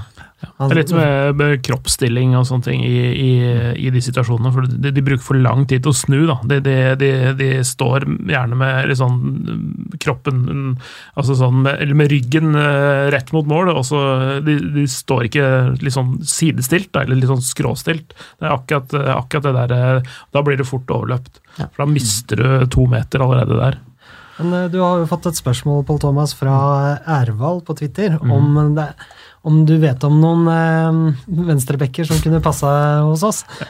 Ja, og det, det brukte jeg litt tid på i dag. eh, For jeg, det var liksom ikke noen som datt inn i huet mitt sånn helt automatisk. Og det handler litt om altså det, Jeg kan jo nevne noen venstrebacker, det det, er ikke det men, men det må jo være noen som for det første kan gå inn og gjøre en jobb og, og være bedre enn de som allerede er der. Og ehm, øh, ja, heve laget sånn sett på den posisjonen. Så er, det, så er det også det, skal du kjøpe en som øh, Eller leie en på kort sikt som skal være ut sesongen, skal du kjøpe en som øh, er rutinert, gammel og, så, og som kan være der de åra Mourinho er der? Eller skal du kjøpe en som du tenker litt lenger med? Eh, altså sånn, eh, for det er sånn, litt sånne ting man må tenke på også. Men, men venstrebacker er det ikke veldig mye bra av som eh, rundt omkring. Det, det er få på et høyt nivå. og Hvis, hvis vi skal da tenke topp fire i Premier League venstreback, liksom, altså, er det, da må du opp eh, på et ganske høyt nivå.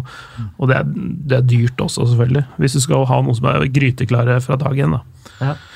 Eh, Men eh, ja, det, er, det er noen sånn som kanskje sånn på sikt kanskje kan være noe. Eh, selvfølgelig, Dere får aldri tak i David Alaba, f.eks., fra Bayern München. Det, det, det må jeg være ærlig å si, at han går ikke derfra til Tottenham.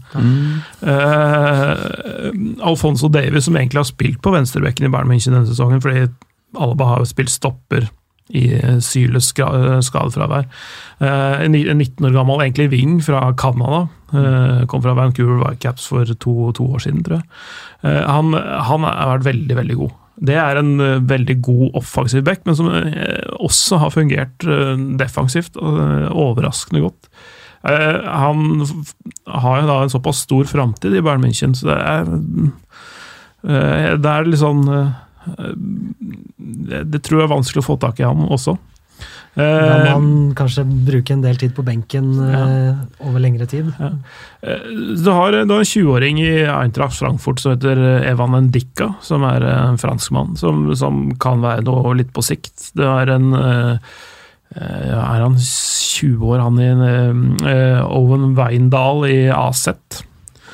Nå har dere kanskje et litt ambivalent forhold til spillere dere henter fra AZ, eh, jeg vet ikke. Eh, Men, eh, men eh, men, men han har vært veldig god. Han har eh, tatt den venstrebekkplassen og er en av de viktigste grunnene til at Aset nå bare ligger eh, tre-fire poeng bak Ajax på toppen og har liksom vært eh, virkelig, virkelig god. Eh, men det er, men det er I Frankrike så fant jeg faktisk ikke så mange som ville gått inn øh, og, og, og vært en øh, Hva skal vi si En oppgradering. Altså, du får jo heller ikke Bernat fra, fra PSG. Kursawa er ledig, øh, men øh, han har vært øh, dårlig, rett og slett, i flere år. Nesten ikke spilt heller. Altså, det er mange andre som blir foretrukket foran han. Altså, til og med høyre bekker liksom ble satt på venstrebekken før han. Såpass, Eh, ja, altså, han var en del av et veldig godt Monaco-lag, men han dro før de vant seriegullet. Eh, Men, men han har altså potensielt eh, et høyt, høyt nivå, men, men eh, det er en altfor stor risiko å ta. Det er ikke eh, Ja, men han er jo tilgjengelig, da, i hvert fall. Eh, Og det kan være lav risiko ved det også, hvis du, hvis du forhandla fram den rette dealen. Så, så det, det er en mulighet. Men det er veldig få i Frankrike, et par i, i Tyskland kanskje. Um, uh, men uh, det er ikke så veldig mange fristende objekter der ute, sånn sett, syns jeg. Faktisk. Så har vi jo uh, høyrebekken, det har vi snakket om. Vi er vel er vi ganske enige om at Aurier har løfta seg, og at det, det er mannen i hvert fall frem til sommeren, eller? Det er vel ikke noe vits å begynne å rushe noe rundt den posisjonen? uh, Nei da, sist, sist jeg satt her, så spådde jeg at han hadde spilt sin siste kamp for Tottenham, så, så der eh, bomma jo kraftig. Han han egentlig vært den som overraska meg Ja. mest positivt under Mourinho. Ja, ja meg òg. Stort sett fått rydda unna alle de her uh, stygge tabbene. Hadde vel én nå sist, da, mot så Han hadde en nå Eh, sist. Men, men mange målgivende. Han, Ja, han, han har er bidratt åtte, jeg tror han har åtte denne sesongen, og det er vel bare Liverpools eh, Trent Alexander som har eh, flere, så ja, nei, jeg, jeg syns han eh, Og han har jo fått en rolle som passer han, så det Han, han, det som eh, gjorde at han slo gjennom på toppnivå, eller som gjorde at han liksom, slo igjennom på det øverste nivået når han spilte i Toulouse, var jo eh, i en høyre wingback-posisjon. Da spilte vi en trebackslinje, han var en høyre wingback, og da var han toppassistlegger topp assist-legger i Toulouse, for et ganske dårlig Toulouse-lag i ligaen, og det, det er uhyre sterkt. Så var det jo mm, en tur til PSG, hvor ja, det gikk sånn som det gikk, og la ut en famøs uh, liten uh, snutt om sin egen trener osv. Uh, men, men, men han, som jeg var inne på tidligere, at han er, eh, han er han har, Det er udiskutable kvaliteter, men han må ikke tenke for mye. Uh, sånn som du så når han begynte å begynte å hvis, hvis det gikk over tre touch, så begynner det å skje ting. Eh, han, han, må, han, må ikke, han må ikke gjøre, holde på ballen for lenge, og han må ikke tenke for avansert. Han må gi den videre til noen som kan gjøre noe med ballen, egentlig. Eh, men han er flink til å posisjonere seg uten ball. Han er også flink til å bidra offensivt, altså som disse assist-tallene sier. Han har en god innleggsfot, ikke sant? En, en, en ordentlig god innleggsfot.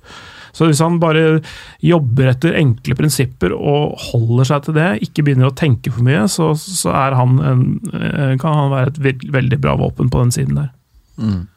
Han spiller jo, han har jo en rolle nå som egentlig nesten tilsvarer en sånn uh, trebackslinje hvor han blir den wingbacken, fordi han eh, er jo fritatt i defensive oppgavene i langt større grad enn motsatt side. Og øh, ehm, når Davies da kanskje er tilbake, så vil vel han fort gå inn og, og bli en litt mer Så blir han en, på en skjev firer bak der, da, med, med Davies som en mer tilbaketrukket rolle. og Det passer sikkert han bra, så kan Aurier fortsette å konsentrere seg om det offensive. og Der er han jo bedre enn i det defensive, det er det ikke noe tvil om. Absolutt. Nå eh, går det jo rykter om at han har lyst på ny kontrakt også. Så, Oi! Ja. Ja, det, da har det skjedd ting, for han var vel ikke helt der for et år siden. Se, Kilden der er Foot Mercato, så eh, de kjenner jeg ikke. Men ja. Ja, men det, er vel- det er vel ikke helt usannsynlig det, nå som han, eh, nå som han blomstrer. Ja. Um, Det har jo da skjedd en del da med troppen eh, det siste året. Nå har Tottenham hentet en Ndomblé på 23 år, Lo Celso på 23 år, Cézigno er 19 år, eh, Gedson Fernandes er 21 år, Bergwijn er 22 år. Vi kan jo ta med Tanganga, som er 19 år. Clark, for så vidt. 20. Eh, eh, han blitt 20 nå, faktisk. Ja, det er riktig. Han har fylt 20. Eh, og så har vi Clark, da, som er på utlandet, som vel er eh, 19 år.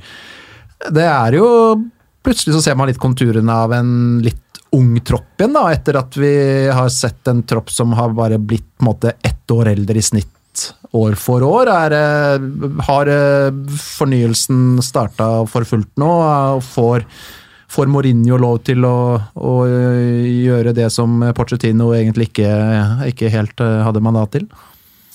Jeg, jeg, jeg tror bare det er timinga det handler om. Det, han, sant? Det, dette med å være på Wembley, ikke vite hva, hva denne stadionet vil koste. Altså, det var mye sånn brexit der. Hvor dyrt blir dette egentlig? Og, og, og sånne ting. Eh, For at nå i sommer så brukte vi jo penger. Altså, det kom vi ikke unna. sånn at eh, jeg tror bare det handla om timing, og at eh, Pochettino var veldig uheldig der.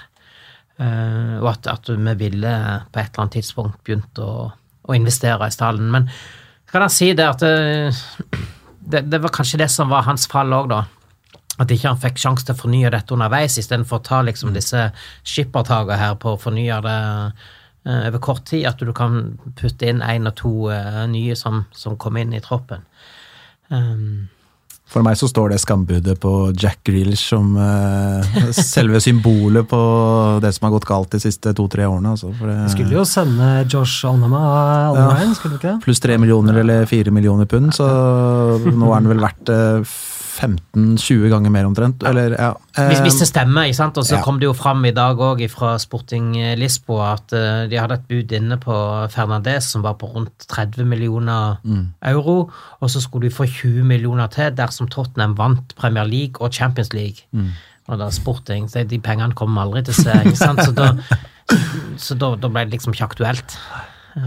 Nei, men vi, vi må snakke litt om eh, Vi var innom en, at de kjøpte spiller i fjor sommer. Eh, Lo Celso. Eh, han hadde et veldig trøblete første halvår med mye skader, og det var eh, Vi fikk egentlig sett veldig lite til han, da.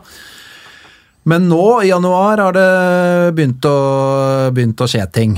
Og eh, for å spørre litt ledende, da. Hva, hva, hva syns vi om det vi har sett av Lo Celso i det siste? Jeg syns han var Jeg, jeg hadde jo han øh, en øh, drøyt halvannen sesong i, i PSG, under, holdt på å si under mine vinger, hvis jeg kan kalle det være så blærete å si akkurat det. Eh, men, nei, men da ble han brukt litt dypere i banen. Eh, han åpenbart trives litt lengre fram. Han har godt driv, som, øh, som ble nevnt tidligere. Han jeg syns han var en av de bedre i den matchen mot Southampton, eksempel, som jeg kommenterte. Um, viktig. Uh, veldig, veldig god pasningsspiller, kan styre tempo. Jeg tenker at det er litt sånn, sånn Eriksen-erstatteren der, ja. Han, han, er, han er vært den boksåpneren som Mm. eh, vi kanskje har savna litt nå i, i Eriksens fravær. Ikke sant? Han, han pa, finner de Pa Pasningssikker òg, ikke sant. Han har høy treffprosent. Uh, flink til å skjerme ballen, mister den veldig lite. Så så, så altså, han det ser, det ser veldig bra ut. Jeg skulle bare ønske han hadde en høyre fot òg han kunne brukt til mer enn å stå på. For det, Ja, den, han er han, veldig enbeint, ja. Da tror jeg kanskje ikke han hadde vært i, i Tottenham, eh, egentlig. Men eh, nei, eh, jeg, jeg syns jo han har vært fantastisk i det siste, Los Celso. Og jeg ser jo Det han har vist i noen av de siste kampene, har egentlig vært helt rått, syns jeg. da. Det har vært så bra at jeg nesten har sittet og gnidd meg litt i øynene over hvor god han faktisk er, da. Og øh, nå er det jo tidlig, veldig tidlig, så man skal jo vente litt med å konkludere, men jeg syns han har en pakke. Uh, jeg syns han eh, har mere Altså hvis vi skal igjen å være veldig tidlig, men jeg syns han har, mer i verktøykassa si enn det Eriksen har. Eh, han har mer å spille på. Jeg syns han har et bedre driv. Eh, litt sånn eh, Altså, misforstå meg rett, det er ikke noe kopi, men, men han har litt, litt der Dembélé-greiene med at han kan passere, passere spillere med ball i beina. Og så er jeg jo egentlig veldig positivt overrasket over hvor rå han er defensivt. Da. Han er jo en kanon ballvinner. Løpssterk og en ballvinner. Og det var ikke akkurat eh, Det var jo ikke Eriksens styrke. Eriksen var en fantastisk pasningsspiller, men jeg syns jo kanskje Lo Celso kan ha hvert fall potensial da, til å bli en spiller med med enda flere strenger og enda mer verktøy i, i, kassa. Da. Altså det, det, Argentiner fra Rosario, vet du. Det, de, de er ikke noen pusekatter. ja, ja. Og vi skal overhodet ikke snakke Eriksen ned, det er ikke det, men jeg, bare, jeg syns det er, er, så mye spennende ved denne Lo Celso at jeg tenker at det kan bli en kanonspiller spiller for Tottenham da, i mange år fremover. Ja, han, han har vist så mye i januar nå at uh, spesielt opplever jeg nå i januar at de var bare nødt til å ta den overgangen permanent. Og så var det kanskje ikke helt tilfeldig at han kom to minutter før Eriksen var offisielt klar for Inter heller. Så her er ting timet og tilrettelagt. Hmm. Det er veldig gledelig å se. Um, og så skal jeg ta opp et litt sånn ømt tema her, da. Uh, og det er at uh, Altså, vi ligger jo der vi ligger på tabellen. Uh, sjetteplassen. Det er seks poeng opp til Chelsea på fjerdeplassen. Kan du starte med å spørre dere Tror dere vi, vi havner topp fire den sesongen? Uh, det er lov å være ærlig. Ja, ja jeg må bare, bare, bare, bare, se litt på uh, Leicester er litt for langt for, foran der igjen. Uh, så det er egentlig bare ett lag dere kan ta igjen. For det er, det er 14 poeng opp til Leicester. Ja, for jeg har også begynt å se poeng opp der. Etter, ja. Sånn for å se om det er noe det er noe Hva som kan skje der oppe. Nei, jeg syns Chelsea virker for sterke. Mm. Uh, altså, selv om de svinger, de også, så syns jeg de, de, har et eller annet med å grinde ut uh, resultater uh, fra tid til annen. Det er, men så er det Manchester United som de ikke veit hvor du har. altså som, som, kan tape mot, hjemme mot Burnley, men slå City borte. Det er, det er, det er et mysterium. men de har jo utgangspunktet et bra lag, de òg. Og så har de kjøpt en ja, Bruno Fernandes, da, som jeg er litt usikker på hvordan kommer til å funke der i det hele tatt. Jeg er skeptisk til det, til han, mm. litt fordi han prøvde seg jo Sampdoria Udinese som tenåring, det funka ikke. Det er greit nok. Men han har jo vært ganske mange år i Portugal nå, sånn at Uh, og det er mange som har vært rykta uh, rundt han, eller han har rykta til andre klubber, men det er veldig få som har budt uh, penger for han, eller som ville ha han. Mm. Jeg tenker at klubber med godt scouting-nettverk de gjør undersøkelser, ikke bare på av spilleren og ser han og analyserer stats og sånne ting, men de, også, de gjør også undersøkelser av personen, spilleren utenfor banen, den mentale tilstanden og sånne ting. Og det, det nettverket er jo litt så som så i, i, av de som kjøpte han da, nå. De som, der har du jo ikke en sportsdirektør for eksempel, med en klar idé og med stramme tøyler over speidernettverket sitt, så jeg er litt sånn usikker på om han kunne gått til noen andre klubber. Nettopp. Det, mm. Men, men så, så det, det, er et usikkerhetsmoment. Det er det jeg skulle til. Det er et usikkerhetsmoment med tanke på hvordan han kommer til å fungere i Manchester United. Det kan bli bra, det kan hende at det er skikkelig dårlig, og det har mye å si for om dere passerer først mm. Manchester United, som dere må gjøre, for det er målforskjellen. Det er målforskjellen nå, ja. Uh, og så er det seks poeng som må hentes inn på Chelsea. Og vi møter Chelsea, så da ja, det, det, det, ja. Uh, det, det, er jo en must win. da. Ja, er uh, når, er det den kampen spilles? Nei, det er ikke lenge til. Nei, det er etter vinterpausen. Nei, det er, det er 22. februar, det. Ja, Det er et, etter første Leipzig-matchen. Ja, rett etter Leipzig hjemme. Ja, så, så, så, så, ja, men den må, den må, vinnes. Den må vinnes, og mm. da kan vi snakke om ja, kanskje, men mm. akkurat nå så ser det dårlig ut. Jeg tenker også på at det er ikke bare vi som skal ta igjen Chelsea, vi skal også holde eh, andre lag bak oss. Ja, Wolverhampton har like mange poeng som oss, og de, eh, de virker sterke. Um, så, så, Sheffield United kjøper jo Sander Berge, så da ja, er det jo uh, Han er offisielt uh, presentert uh, ja, mens vi satt her. Bare ett poeng bak dere, så, så, Nei, det, det, Sheffield United går ikke forbi dere. Men, men, det er spørsmål om dere holder Wolves bak dere, og dere passerer United og Chelsea. Ja, dessverre tror jeg det blir vanskelig. Ja. Men eh, en europaligaplass bør du sikte på. Ja, og der er vi jo inne på det som var det ømme, ømme temaet her, da. Fordi hvis nå dette topp fire, denne topp fire-plassen skulle ryke, eh, ønsker vi oss en eh, femte-sjetteplass, eller, og nå, dette er, merker jeg er litt rart å spørre om, eller ønsker klubben å havne utenfor og ikke spille Europaliga i det hele tatt?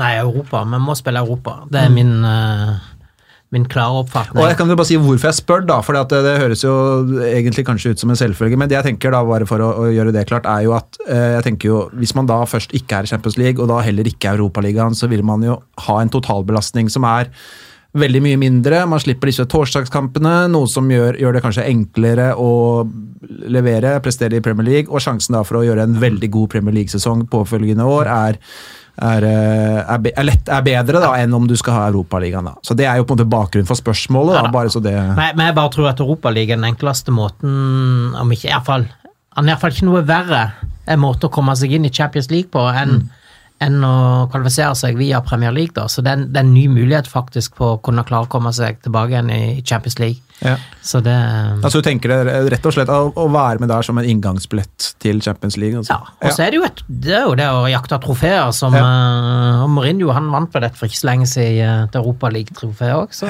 så han kan Det- turneringer. Det er 15 kamper da, Uh, fra gruppespill til, til og med finale. Uh, Så får man vurdere hvordan man løser gruppespillet. At man, man klarer å humpe seg gjennom gruppespillet, komme seg ut av gruppa med ikke nødvendigvis førsteelveren. Hvis de klarer det, så kan de liksom gi også spilletid tidlig i sesongen, hvor spillere er friske og, og raske, og at du kan holde øh, øh, mange spillere varme før de liksom begynner på spurten over jul. da.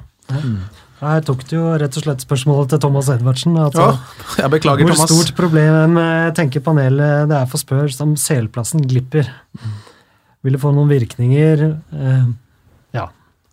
Da må Leif Konrad eh, rett og slett dra. Vi må jo bare Du skal bare Jeg, jeg, fotball må, jeg må stikke, jeg skal faktisk opp og slå noen tunneler på både spille Liverpool og United-fansen. Altså. ja, Jeg spør hva slags spillertype er du? Hvem, hvem minner du om i Tottenham? Er en, en spillende midtstopper. Ja, det høres bra ut. Kan, kan, Som slår tunneler. ja, kan du spille venstreback, eller? Eh, Ja, faktisk så har jeg en karriere i femtedivisjon som venstreback, Ja, men ja, ja. jeg ble like løpt ifra som uh, som Fertongen og Tanganga gjorde Jo, jo. her eh, om dagen. Sånn at det, Skal du noe på søndag? Søndag ettermiddag? Halv seks? Ja, da skal jeg eh, se Tottenham. Ja, ok, du skal se Tottenham. ja, Ikke, ok. ja, men Lykke til på Favesiden, så får vi tre andre her eh, runde av etter hvert her. Men uh, ja, uh, tok, jeg avbrøt deg litt, Ole Andreas. Spørsmålet til Thomas om Champions League. Ja, nei, det er hvordan kla- Klarer vi oss uten Champions League? Det er jo ikke, ok, du, du spurte jo om vil vi Ja. ha Europaliga, Ja. men ja. altså Men ja, det er et annet, eh, et annet spørsmål. Et Det er jo en spørsmål. annen inntekts, Ja. inntektsramme. Det er det jo. Det er Men, veldig stor eh, forskjell på Hvis vi plutselig har en eh, tropp for å takle Europa og, og serien og hjemlige cuper, og så har vi plutselig ikke Europa lenger, Mm. da tror jeg det er mange som eh, ikke får spille. Dessverre. Jeg tror, eh, jeg tror Tottenham klarer seg én sesong uten Champions League. Eh, mye fordi at jeg tror det kan være en fin mulighet til å eh, levere en enda bedre Premier League-sesong. Det er det jo en del eksempler på. lag som har havna utenfor Champions League, og som har eh, levert eh, veldig bra påfølgende år i eh, ligaen, fordi at de får mange færre kamper og en mulighet til å mobilisere mer i, i serien. Men du skal ikke gå så veldig lenge, du skal ikke gå så mange sesonger uten Champions League, tror jeg. Jeg tror det må være den ene i så fall. Ja, for det er det som er problemet hvis du mister på en måte trykket med å Ja. spille, der, spille i Europa hvert år. Så, så, så kan det så, så mister du da inntektene nummer én. Du mister også uh, sånn pulling power på spillere. Uh, når du skal rekruttere nye spillere, så det Så er det hvis de, hvis de står med to tilbud, og det ene gir deg Champions League, og det andre gir deg ingenting, Absolutt. så, så er det lett å gå til den klubben som tilbyr Champions League-spill, for å si det sånn. da. Absolutt. Ja, det, er- det er det ikke noe tvil om i hele tatt. Men jeg tenker at det, det kan fungere med ett et år uten, tror jeg går. Eh, fordi altså, spillerne de øh, vil jo si at her, her er det store muligheter for at de er ganske kjapt tilbake i det selskapet, men som du sier, at hvis det blir en sånn, altså hvis de mister det trykket og det blir over lengre tid da, uten, så, så er det, blir det vanskeligere og vanskeligere å komme tilbake dit også. Eh, litt sånn, uh, uten sammenligning for øvrig, men litt sånn som et lag som har rykket ned. da. Eh, at det, man klarer ofte å å holde på folk i ett år og mobilisere ett år for å komme seg rett opp igjen. Men hvis man da ikke går opp igjen det året, så ser man ofte at ting faller litt sammen. Og, Stoke, Ja, Sunderland. ja. HamKam. Den kom fra hjertet. Ja da, det La oss håpe på Lillestrøm òg, så er det Har du flere spørsmål, eller Ole Andreas? Du har jo fått inn, eh, fått inn ganske mye. Jeg har ikke, ikke flere spørsmål som jeg ikke føler vi har svart på, Nei. men vi har jo noen spørsmål. Vi har noen spørsmål, for vi har jo tenkt å gå i gang med en uh, ny, fin, liten spalte her. Og det er at vi, uh, eller du da, Ole Andreas, har forberedt uh, et kunnskapsspørsmål. Eh, Ja. Det er ett, er det ikke det? Det er ett, ja. Ja, og eh, som dere um, da er velkommen til å svare på, og så har jo du sagt til meg at du skal prøve å lage et spørsmål som det ikke er så lett å google seg frem til. Eh, så da får vi jo se, da. Eh, Ja. og hvor skal de sende inn, eh, hvor skal de sende inn svarene? Det kan sendes på direktemelding på Twitter til golden underscore cockerel. Mm. Eller podcast at tottenhamhotspur.no. Um, det, er, det er lettest å plukke det opp, i hvert fall. Um, og da ser ingen andre hva Nei, dere må i hvert fall ikke svare, må ikke svare i noe kommentarfelt uh, på Twitter, for da er det jo lett for andre å se det, selvfølgelig. Men uh, da er vi spente på hva spørsmålet er. Ja. uh, det er jo mm, Det er Tottenham-relatert, men det er ikke noe Tottenham-statistikk, sånn sett. Um, Steffen Iversen er jo en legende i klubben vår. Han gifta seg jo med en engelsk popartist, Anna Crane. Og de fikk barn og kjøpte seg et eh, et ålreit hus eh, etter hvert. Og det jeg er ute etter, er hvor mange bad det var i dette huset. Så eh, svaret må være inne før vi spiller inn neste episode, Ja. som er planlagt eh, 17. februar. Hvor mange Eh, bad var det altså i huset til Steffen Iversen og Anna Crane? I, var det i London, dette her? Det var i? London, ja. Ja. Ja. Eller i utkanten av London. ja. ja, vet du det, eller Pål Thomas? Nei, det, det, det, det er ganske mye jeg følger med på i fotball, og det er ganske mange land jeg følger med på. eh, Så å følge med på antall bad i huset til spillere som har lagt opp, det, det, er, det er litt sånn det, det, er ganske langt ned på lista over ting jeg oppdaterer meg på. Men, men når det er sagt, jeg pleier jo ganske ofte å plukke opp veldig sånne rare statistikker og sånne ting, ting som er fullstendig ubrukelige, egentlig. Eh, Så hvis jeg hadde kommet over det, så hadde jeg huska det, men det har jeg faktisk ikke lest noensinne. Nei, Vi får se om det er noen som vet det, eller så går det jo an å, å gjette. Det er jo, det er jo litt begrensa hva det kan være. Det ligger vel et sted mellom er 0 og, 100. ja, mellom 0 og 100, så, så de som har lyst til å ta en råsjans, de, de må gjerne gjøre det. Uh, så det blir Vi vet ikke om vi kan ha noe eh, premie ennå, men det skal vi finne ut eh, Ja. til neste episode. Men premie, det har vi jo startet med, faktisk. Og det er jo da til eh, det vi mener er det, det beste spørsmålet som kommer inn. Vi kommer til å gjøre det sånn nå at uh, dere er velkommen til å sende inn spørsmål til hver eh, sending eh, vi spiller inn. Og så kårer vi én sånn episodevinner da, uh, hver gang. Og alle episodevinnerne er da uh, i sesongens siste podkast med i trekningen om en Tottenham-drakt. Eh, og det, det er jo ikke, det er ikke så mange, det er ikke så mange episodevinnere som kommer til å være oppi den hatten. Så det, det vil jo være en ganske ålreit prosentsjanse for å, for å vinne den. Eh, og det, det starter vi med i dag, å kåre episodevinner. Og da er jo jeg veldig spent på, for dette har jo du fått ansvar for, eh, Ole Andreas. Og, og jeg er veldig spent på hvem som har vunnet i dag, for det var jo veldig mange bra spørsmål, da. Ja, det var det. Det var bra nivå, så det var vanskelig. Det gikk denne gang Jeg gikk denne gangen for eh, Thomas Edvardsen, eh, som eh, spurte om eh, hvordan vi skulle klare oss uten Champions League fremover. Ja, Så gratulerer, Thomas. Du er med i trekninga. du er med i trekningen om en eh, Tottenham-drakt eh, mot slutten av sesongen, så det er eh, bare å gratulere deg. Jeg tror vi skal eh, begynne å runde av her. Eh, de kommende kampene kan vi jo ta kjapt. Vi har City hjemme. Nei. Jo, hjemme. Jo, hjemme. Ja, ja, nå Nå ble jeg plutselig ja, ja, ja. Sitter hjemme på søndag. Og så er det omkamp mot uh, Southampton uh, på onsdag. Og så er det Villa borte 16. februar. Etter en pause. Etter en liten vinterpause. Uh, og så er det jo Leipzig da, i Champions League 19. februar, og så Chelsea borte 22. februar. Det er eh, de fem neste kampene. Og eh, det blir eh, en veldig spennende periode vi går eh, inn i nå. Hva tror vi om kampen mot City på søndag, Pål Thomas? Et uh, såra dyr, da, som de møter der, men uh, uh, Men de kom seg videre allikevel, City, så det, jeg vet ikke hvor tungt de egentlig tok det tapet i, i går. Det, Mer symbolsk enn noe annet. Uh, de har nok eh, gitt opp eh, ligaen, tror jeg. Sånn, eh, det er ganske trygt å si, med 14 poeng bak. Helt sinnssykt, 14 egentlig. er det ikke Nei, eh, 19. 19, 19, 19 ja. var det jeg mente. Ja. 19. Eh, fort gjort å miste tellinga si. Det er så, ja, så ja, mye nei, det, det, ja, det er så mye.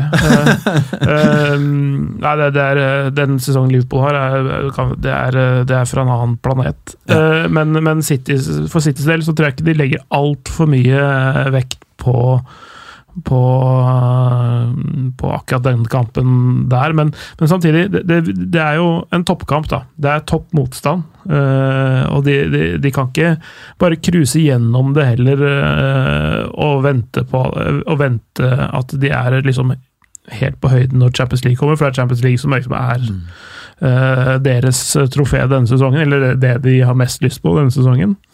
Så, så, så mm, jeg tror de kommer til å velge litt kamper som de legger trykk på. øh, liksom Gjøre en anledning ut av det. Og da tror jeg Tottenham er en av de lagene de kommer til å stille sterkt mot. da.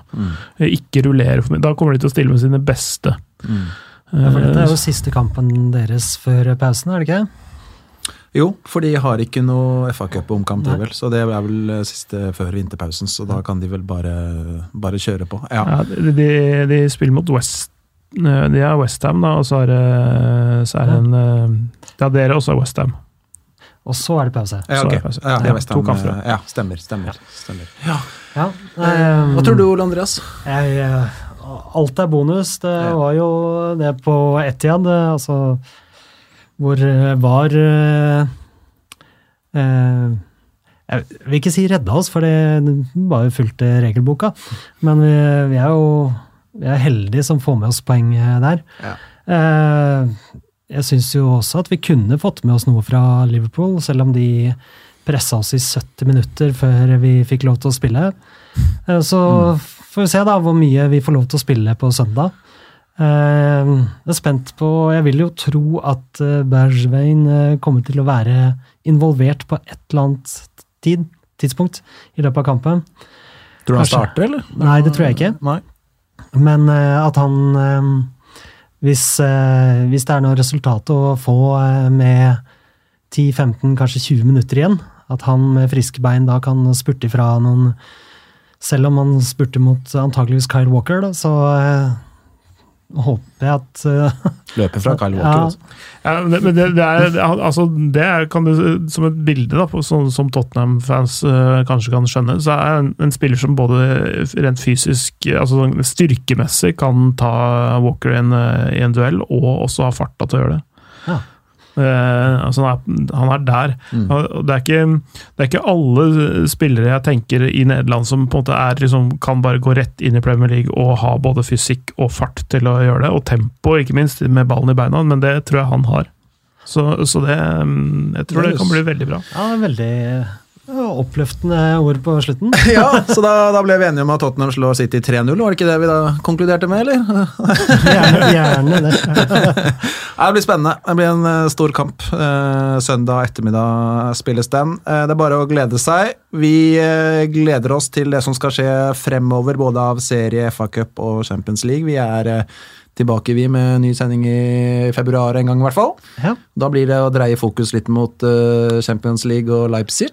ja, og da har vi besøk av Eivind Bisgaard Sunde. Ja, han har, eh, han har meldt seg klar. Ja. Ja, Så bra. Det blir bra. Han kommenterer. eh, Det er jo kollegaen til Pål Thomas. Da. Ja, han, han har god kontroll på RB Leipzig. Rasenballsport eh, Leipzig. Ja. Kommenterer Bundesliga for uh, Viasat, så det, det, blir, eh, det blir bra. Takk til deg, Pål Thomas. Det var veldig hyggelig å kunne komme. Så eh, lykke til med resten av sesongen og det, og det videre. Det, det, det er spennende. Det, er- det er i hvert fall ikke kjedelig nå, sånn, sånn som det går, selv om det er eh, selv om det, pilen har pekt bitte litt nedover siden i fjor, eh, og kanskje året før det, så, så, så er det, det er en spennende klubb, og det skjer ting der. og Det, det, det er gøy å følge for oss nøytrale. Helt klart. Det er nok å snakke om, i hvert fall. Det er det. Takk til deg også, Ole Andreas. Jo, og takk til deg, Lars Peder. Jo, takk, til, takk for det, og uh, takk til Leif Konrad, som, uh, som akkurat nå kanskje slo en, uh, en tunnel eller noe sånt på Five-A-siden. Og så ønsker vi alle lyttere en fin dag videre, og hva sier vi til slutt, Ole Andreas? Come on, you Spurs!